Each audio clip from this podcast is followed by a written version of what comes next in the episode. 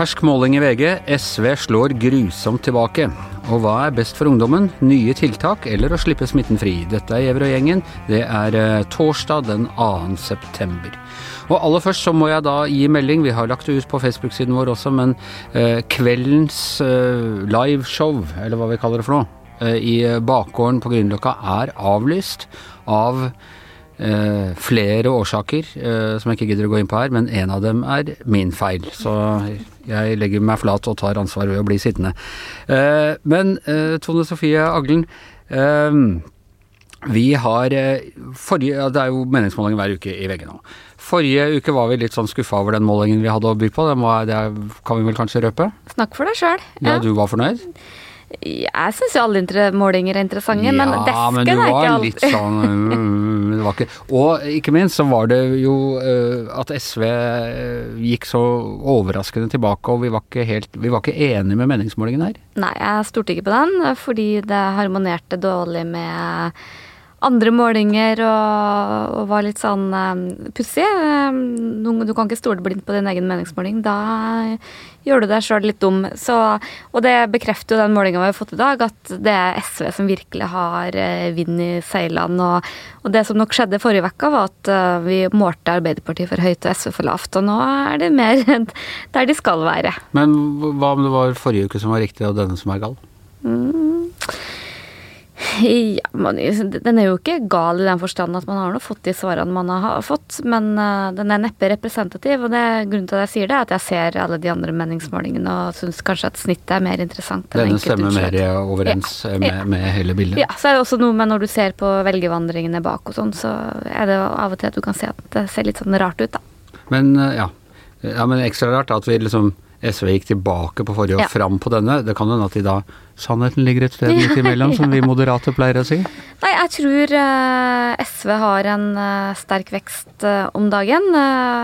det vi ser, er at Arbeiderpartiet mister veldig mange velgere til SV. Veldig interessant det som har skjedd med Arbeiderpartiet for øvrig. De har jo jobba intenst med å tette den lekkasjen til Senterpartiet og uh, flytta politikken sin mye mer i den distriktsretning. Nå ser vi at nå har de nye problemer. Nå tyter det ut et annet sted. Nå er det i de store byene de taper velgere til SV og MDG og Rødt, men særlig SV, som vi ser på den målinga. Og SV er altså nå omtrent så store som uh, Fremskrittspartiet. Da skal vi langt tilbake på 80-tallet omtrent, uh, før, før det var tilfellet.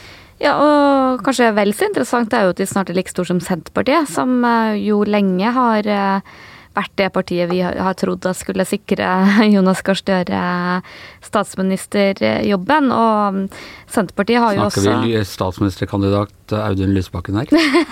Han har vel sagt sjøl at eh, er det noe denne valgkampen ikke trenger, så er det vel flere statsministerkandidater. Og det høres ut som en klok men, men, jeg tror det er mye som har vært klokt i SV sin valgkamp. I motsetning til Senterpartiet så har jo de vokst veldig sånn sakte, men sikkert utvikla organisasjonen sin. Alltid, alltid sunt med sånn forsiktig vekst istedenfor sånn voldsom hastig vekst.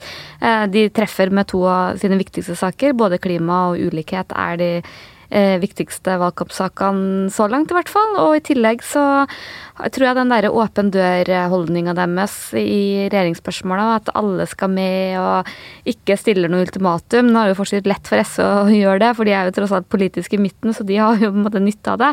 Eh, men eh, det gjør at eh, de får snakke mer om politikk og ikke blir et sånn derre en sånn sperre som de andre partiene er når de driver og utelukker hverandre, da. Og det er jo heller ikke noe gøy å drive og stille um, Lysbakken den type spørsmål, for han sier jo bare det samme, at alle skal med. Mm. Og, alle som vil, skal med. Mm. Uh, det høres veldig SV-ete ut.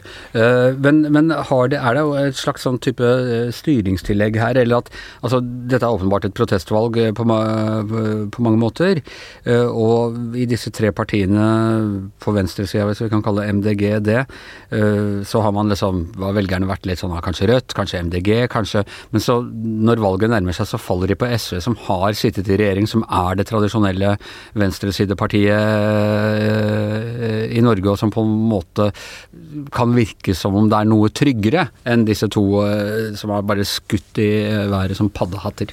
Ja, det kan se sånn ut. Og noe av det kanskje mest interessante med denne målinga er jo at sperregrensedramaet er i aller høyeste grad aktualisert. Her på denne målinga så er jo både MDG og Rødt nede på firetallet. Eh, fra å ha flydd helt opp i sjutallet på andre målinger. Eh, det er en veldig skummel posisjon for dem, for det er to partier I 2017 så falt begge to 1 omtrent ned uh, i valgresultat sammenligna med snittet av, av, målingene i september. Det skyldes at de har mange unge velgere, mange førstegangsvelgere som ikke stemmer. De har, Rødt har veldig mange hjemmesittere, uh, og det er, det er liksom sånn, det vi kaller risikable velgere. Da, velgere ikke, som ikke stemmer, det høres ut som Ja, det er sånne som mennesker. sier de vil stemme, men som ofte men som ikke, ikke, gjør det. Og det er jo liksom svakheten til de partiene. Men det vi også ser veldig tydelig på bakgrunnstallene nå, er at SV spiser eh, Miljøpartiet De Grønne-velgere som drops. Eh, veldig mange velgere som de tar den veien, og det er nok litt den effekten man kan se på rød-grønn side. Vi kaller det litt sånn kannibalisme når de spiser av hverandre, men eh, det er også litt den der winner takes it all, og det kan være liksom det partiet som er mest i vinden. SV er det, lykkes veldig godt i debatter som kanskje de velger å gå til til slutt. Altså Det blir veldig spennende å se hvordan det her utvikler seg. Og så Arbeiderpartiet og Høyre har flatt batteri, sa du til meg da vi møttes i gangen her i stad. Ja, det er utrolig fascinerende å se de to store som virkelig skulle rulle ut sine valgkampmaskineri. Det er, skjer nesten ingenting der. De har kjempelav lojalitet, begge partiene. Og Arbeiderpartiet er til oss her på 23,2% Det er under, ikke tidenes dårligste, men tidenes dårligste siden 20-tallet eller noe sånt. Eh, og er jo et usedvanlig dårlig resultat for Arbeiderpartiet. Og også Høyre er 20,1. Og jeg tror de hadde liksom trodd at liksom bare de fikk rulla ut uh, bussen og få Erna ut til folket, så skulle liksom velgerne komme. Men det, ingen av de partiene ser ut til å lykkes spesielt godt med valgkampen sin. De blir litt sånn statister, syns jeg. Vi skal snakke enda litt mer om det i morgen. Eh, da kommer du også for å mm, hjelpe oss å oppsummere hele, hele valgkampen denne uka og se framover mot valget, som nå jo Vi begynner å se sluttdatoen for, eh, for, valgkampen eh, i det fjerne, rett og slett. Ja, tenk det. Ja, Shazia. Vi skal snakke om, om pandemien og om tiltakene, for du har vært ute i, der det skjer, eller vært på, på Grantangen skole i Oslo. Og det er jo nå uh, litt sånn uh, mars uh, 2020-stemning. folk begynner å holde elevene sine, nei, barna sine hjemme fra skolene, og, og man kan få litt sånn panikk. Er smitten utenfor kontroll? Og hvordan opplevde du det her ute? Jeg var på Granstangen skole i Stovner bydel i Oslo. Det var påfallende stille, selvfølgelig, fordi skolen er stengt. Den ble stengt ned på mandag fordi at man har fått et smitteutbrudd.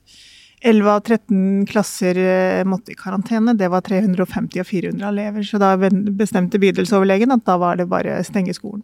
Så den er stengt denne uken, og det er klart at eh, det har vært et voldsomt driv eh, de, de, siste dagene om at noe må skje. Nå må noe skje, nå brenner det på dass.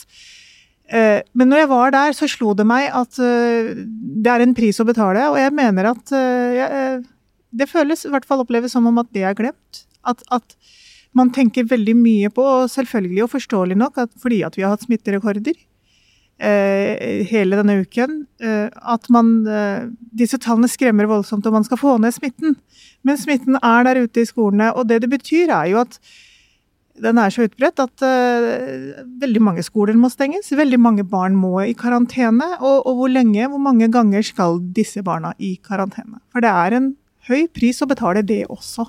Men samtidig, altså, det blir jo da et valg nesten om de da skal bli smitta om å være hjemme fordi de er syke, eller å holde dem i karantene og ja. ha dem hjemme fordi de er friske. Går ikke det litt ut på ett? Det, det, er jo et, det er jo et stort dilemma. Men det jeg er opptatt av, eller, eller, det jeg mener at flere burde være opptatt av, er jo at dette rammer først og fremst de mest sårbare barna. De som har skolen som det eneste eh, pusterommet i livet. Eh, og, de, og, de, bor jo gjerne da i disse innvandrertette bydelene som eh, vedvarende har vært hardest rammet. Her er familier som bare er fattigst. Eh, foreldrene er veldig ofte kronisk syke. De bor trangest, og nå er det igjen selvfølgelig da hardest rammet, eh, fordi at det er igjen er smitten høyest der, naturlig nok. Og, og igjen forventes det at nå skal de i karantene osv. Uh, jeg tror uh, at signalen er at vi må leve med mer smitte. Vi må bare akseptere mer smitte. Og Men de som blir smitta, må jo hjem. De kan jo ikke gå på skolen? Nei, de kan ikke gå på skolen. Og det Eh, så det, på, annen, på, et eller annet tidspunkt så må jo alle være hjemme. Ja. Men skal alle de som ikke er rammet, også da For det som var på denne skolen, var at det var veldig få som var smittet. Som fikk positiv test. Eh, og de fleste var asymptomatiske, hadde ingen symptomer. Veldig få var faktisk sykesyke. Det var ingen som var ordentlig syke der. Men de måtte bare stenge ned alt. Så det er jo veldig mange barn som blir rammet uforholdsmessig, da. Så det er bedre at de som faktisk blir smitta, er hjemme. Samtidig så tenker jeg, samtidig så tenker jeg og dette opplever jeg litt med, med, med, min sønn, som, eh, som ble smitta her første skoleuken, eh, første uke på, på videregående, og ikke så veldig gøy, eh, ble sendt hjem så, vi, så måtte de, dette var på Foss skole, og, som jo ble veldig hardt rammet, og der er alle første- og andreklassinger sendt hjem. Og på en måte står jo da alle likt der også, da. ikke sant? At de, eh, når han nå kommer tilbake, så har han ikke gått glipp av uh, to uker med, med undervisning hvor de, hvor de, andre liksom begynner å Så det er en slags uh, alle skal hjem. Ja, en, en, en fellesskap i det ja, også. Ja. ja jo, men jeg tror det er vanskelig for det de mest sårbare eh, barna de, Det vi må huske på, er jo hvor, hvor, lenge de og hvor ofte de har sittet i karantene. Hvor mye hjemmeundervisning de har. De er helt på felgen. Det er i hvert fall det inntrykket jeg fikk når jeg var på Granstangen skole. Jeg hørte det mye. At det er veldig stor bekymring for at den terskelen er nådd. Da. Og, det, og det, dette er jo barn som vi allerede i utgangspunktet hadde veld, veldig dårlige forutsetninger og mye plager. og det kan være, altså Den mentale, emosjonelle prisen er så høy, høy, selv om det er noen få dager kanskje for noen, og alle er i samme Men er ikke, det er ikke et fellesskap, for alle har ikke samme utgangspunkt. da. For er, alle kan ikke være hjemme, det er ikke stort nok plass. Eh, det er bare, sånn som noen formulerte på skolen, det, det er en katastrofe for barna. At de igjen sendes hjem. Og så er det eh, dette her med uforutsigbarhet. Fordi at det kan endres på en time om du skal i karantene eller ikke. så, det er noe med måte den voldsomme eh, Det er så mye frem og tilbake, og det, det, gjelder både voksne og barn.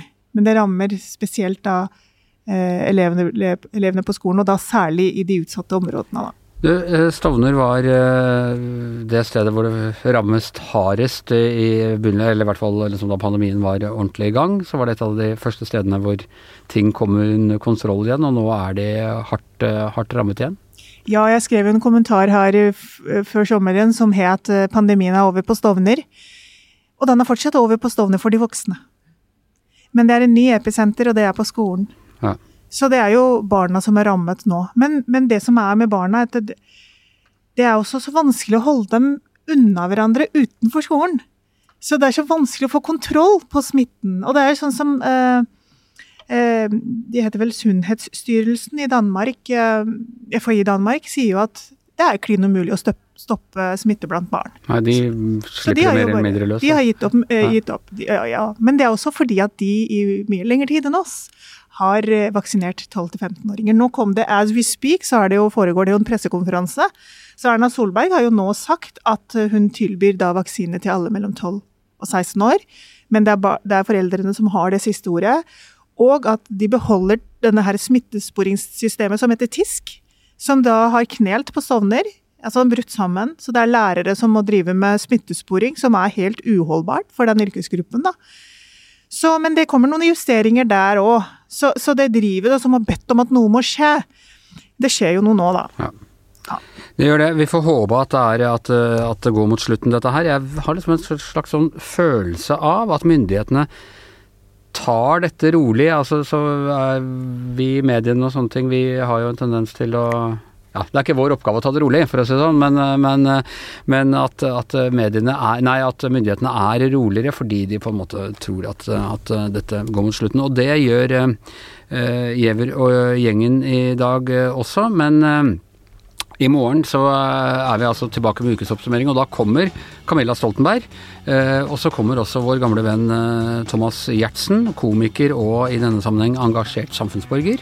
Her i studio Tone Sofie Aglen og Shazia Majid. Eh, jeg heter Anders Giæver, og mannen som bevarer roen gjennom all panikk, alle pandemier og hva som ellers måtte true denne kloden, er som vanlig vår produsent Magne Antonsen.